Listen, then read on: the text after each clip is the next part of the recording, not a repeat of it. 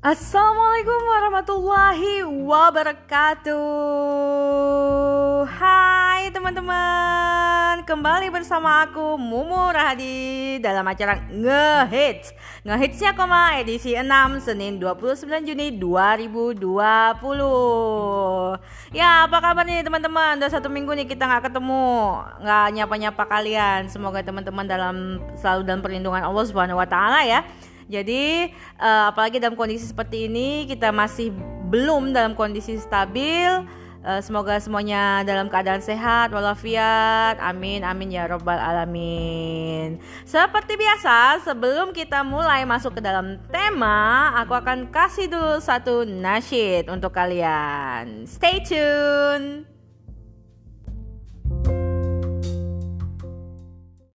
أعوذ بالله من الشيطان الرجيم. بسم الله الرحمن الرحيم. كل نفس زائقة الموت وإنما توفون أجوركم يوم القيامة. فمن زحزح عن النار وادخل الجنة فقد فاز. وما الحياة الدنيا إلا متاع الغرور.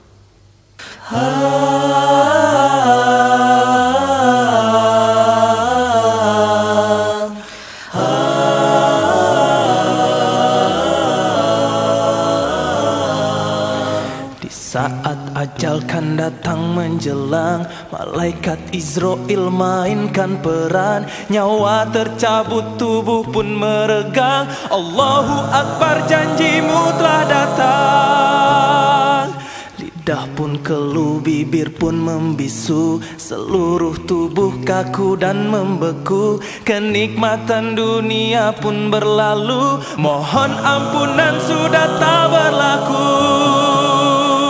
Tiada lagi tempat pertolongan Kecuali amal dan perbuatan. Semasa hidup membentang zaman Ridho ilahi yang didambakan. Di saat ajal kan datang menjelang Malaikat Israel mainkan peran Nyawa tercabut tubuh pun meregang. Allahu Akbar janjimu telah datang Sebesar zarah pun diperhitungkan. Kebaikan yang telah kita amalkan. Sebesar zarah pun diperhitungkan. Keburukan yang telah kita lakukan.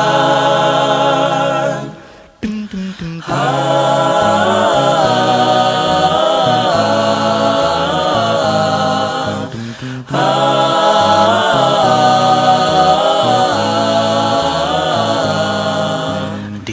saat ajal kan datang menjelang Malaikat Israel mainkan peran. Nyawa tercabut tubuh pun meregang. Allahu Akbar janjimu telah datang.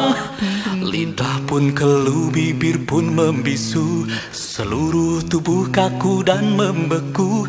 Kenikmatan dunia pun berlalu. Mohon ampunan sudah tak berlaku Tiada lagi tempat pertolongan Kecuali amal dan perbuatan. Semasa hidup membentang zaman Ridho ilahi yang didambakan. Sebesar jarak pun diperhitungkan Kebaikan yang telah kita amalkan. Sebesar jarak pun diperhitungkan Keburukan yang telah kita lakukan saat ajal kan datang menjelang Malaikat Israel mainkan peran. Nyawa tercabut tubuh pun meregang. Allahu Akbar janjimu telah datang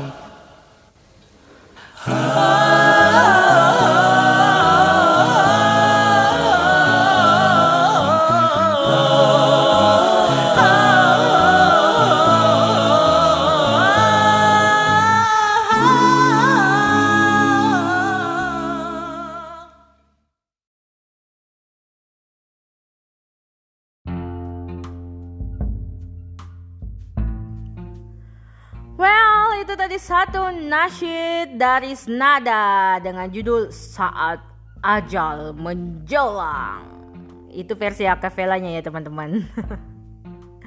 Oke, kita masuk pada tema Jepang, negara berteknologi maju dan kehamilan remaja.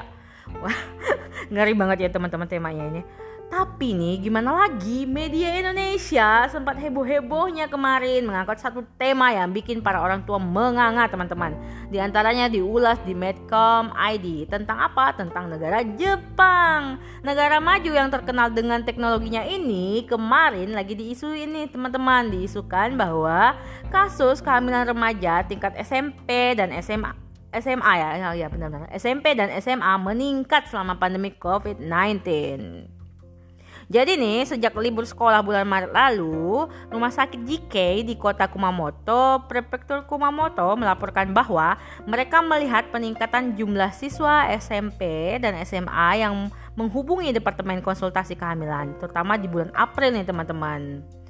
Jadi uh, dikutip dari Japan Today Jumat 15 Mei 2020 lalu, Wakil Presiden Rumah Sakit JK Takeshi Hasuda mengatakan bahwa uh, karena nih karena anak-anak ini libur terutama tingkat SMP SMA-nya ini libur mereka tinggal di rumah kan teman-teman. Uh, dan orang tua mereka itu kerja. Jadi di rumah itu kosong sehingga menghadirkan peluang aktivitas seksual mengarah pada kehamilan. Kayak gitu deh. Nah cuman dijelaskan pada liputan6.com bahwa yang meningkat itu bukan kehamilannya tapi melainkan yang meningkat itu adalah aktivitas seksual remajanya. Tetap aja ya teman-teman tetap aja. Berarti peluang kehamilan meningkat juga sangat besar kan di sana? Nah, uh, pun fokus kita juga bukan pada meningkat atau enggak meningkatnya sih teman-teman. Itu gambaran jelas ya gambaran jelas potret negara maju yang tidak berdasarkan syariat Islam gitu kan jadi kayak apa ya bahkan mereka bahkan mereka tuh menyediakan gitu kan menyediakan departemen konsultasi kehamilan yang juga melayani anak-anak usia remaja berarti kan secara nggak langsung mereka mendukung perzinahan, mendukung uh, perbuatan itu gitu kan. Ya, tapi gimana lagi namanya juga bukan negara yang berlandaskan syariat Islam. Jadi begitulah. Begitu mudahnya terjadi maksiat, begitu mudahnya gitu kan hal-hal buruk uh, mereka lakukan sedang negara pun mendukung-dukung aja gitu kan tidak menganggap zina adalah dosa besar karena bagi agama mereka ya memang zina mungkin bukan dosa besar Well, namun kisah mengerikan ini juga nggak cuma di Jepang, teman-teman. Di Indonesia sendiri nih ya, di Indonesia sendiri yang merupakan 80%-nya itu muslim, juga banyak terpengaruh dengan um, apa ya? Budaya-budaya kafir nih. Iya kan? Padahal nih udah jelas dalam hadis riwayat Ahmad nomor 2 uh, 50 dan Abu Daud nomor 4, 4, 4, 4000 4000 ya nih 4031 bahwa barang siapa yang menyerupai suatu kaum maka dia termasuk bagian dari mereka. Ngeri ya. Uh, dijelaskan juga nih di sini pada lifestyle oke okezone.com dikutip tanggal 25 September 2018 dinyatakan bahwa kehamilan remaja Indonesia meningkat 500 kasus setiap tahunnya. Uh, ngeri itu 2018 loh teman-teman. Nggak kebayang sekarang gitu kan. Dan menurut survei menurut survei demografi kesehatan Indonesia tahun 2017 penyebabnya adalah penurunan penggunaan kontrasepsi modern teman-teman pada segmen usia muda 15 sampai 29 tahun. Bayang nggak sih? Maksudnya apa tuh? Kehamilan terjadi gara-gara penurunan penggunaan kontrasepsi modern pada segmen usia muda 15 sampai 29 tahun. Yang kita tahu 15 tahun itu masih sekolah, teman-teman. Lucu kan? Lucu, mayoritas muslim Indonesia ini tapi disurvei seperti itu. Dengan kata lain nih teman-teman, pemerintah sebenarnya melegalkan saja perjinahan terjadi. Survei tahun 2019 uh, eh, survei ini nih tahun 2019 pun juga sama aja 2019. Kurang lebih nggak ada bedanya. Dan solusi yang ditawarkan untuk menekan kehamilan remaja juga solusi palsu. Apa tadi? Seperti yang di atas adalah penggunaan kontrasepsi modern ya, yaitu salah satunya kondom. Ngeri kan? Uh, ngeri. Benar-benar ngeri. Makanya uh, jangankan mereka maksud maksudnya negara Jepang gitu kan negara Indonesia yang ngakunya ini pada muslim gitu kan. Ngakunya 80% muslim. Uh, ngakunya beragama Islam punya aturan Islam bersyariat Islam gitu kan. Namanya orang muslim kan harus patuh dengan syariat Islam kan. Tapi sama aja kurang lebih. Cuma bedanya mereka terekspos kita enggak. Sungguh-sungguh kasihan sekali. Nah beginilah teman-teman ya. Kalau memang kita nggak diatur oleh aturan Islam, maksudnya negaranya, karena dalam uh, karena memang negara Indonesia ini tidak menjadikan Islam sebagai patokan hukum ya kan, jadi ya begitulah mau gimana lagi. Cuman bukan berarti kita udah pangku-pangku tangan aja gitu kan, uh, berpangku tangan menikmati keadaan menikmati, maksudnya um, pasrah aja dengan keadaan kayak gitu. Kita sebagai um, seorang muslim harus sadar bahwa hal tersebut maksiat itu apalagi zina itu uh, dosa besar. Berarti bagaimana caranya kita mencegahnya mempropagandakan juga atau menyebarkan juga bahwa itu haram eh, bahwa itu haram. Bahwa zina itu adalah maksiat dosa besar yang seharusnya tidak dilakukan oleh seorang muslim jadi kita juga uh, harus mempropagandakan bahwa kondom bukan solusi untuk menekan angka kehamilan, tapi adalah akidahnya, akidah seorang muslim itu yang harus dikuatkan lagi, harus diteguhkan lagi. Hmm. Alasannya kenapa sih kebanyakan kayak kayak gini ya karena kebanyakan kita menganggap Islam itu adalah warisan dari orang tua, lahir beragama Islam karena orang tua gitu kan. Atau Islam KTP aja, nggak mau mengenal Islam dengan sesungguhnya mengenal. Akhirnya ya kayak gini deh. Gambaran Islamnya hancur lebur. Tidak sesuai fakta. Eh tidak sesuai fakta. Tidak sesuai seperti yang seharusnya gitu kan. Ya mengendas, mengenaskan sekali ya teman-teman.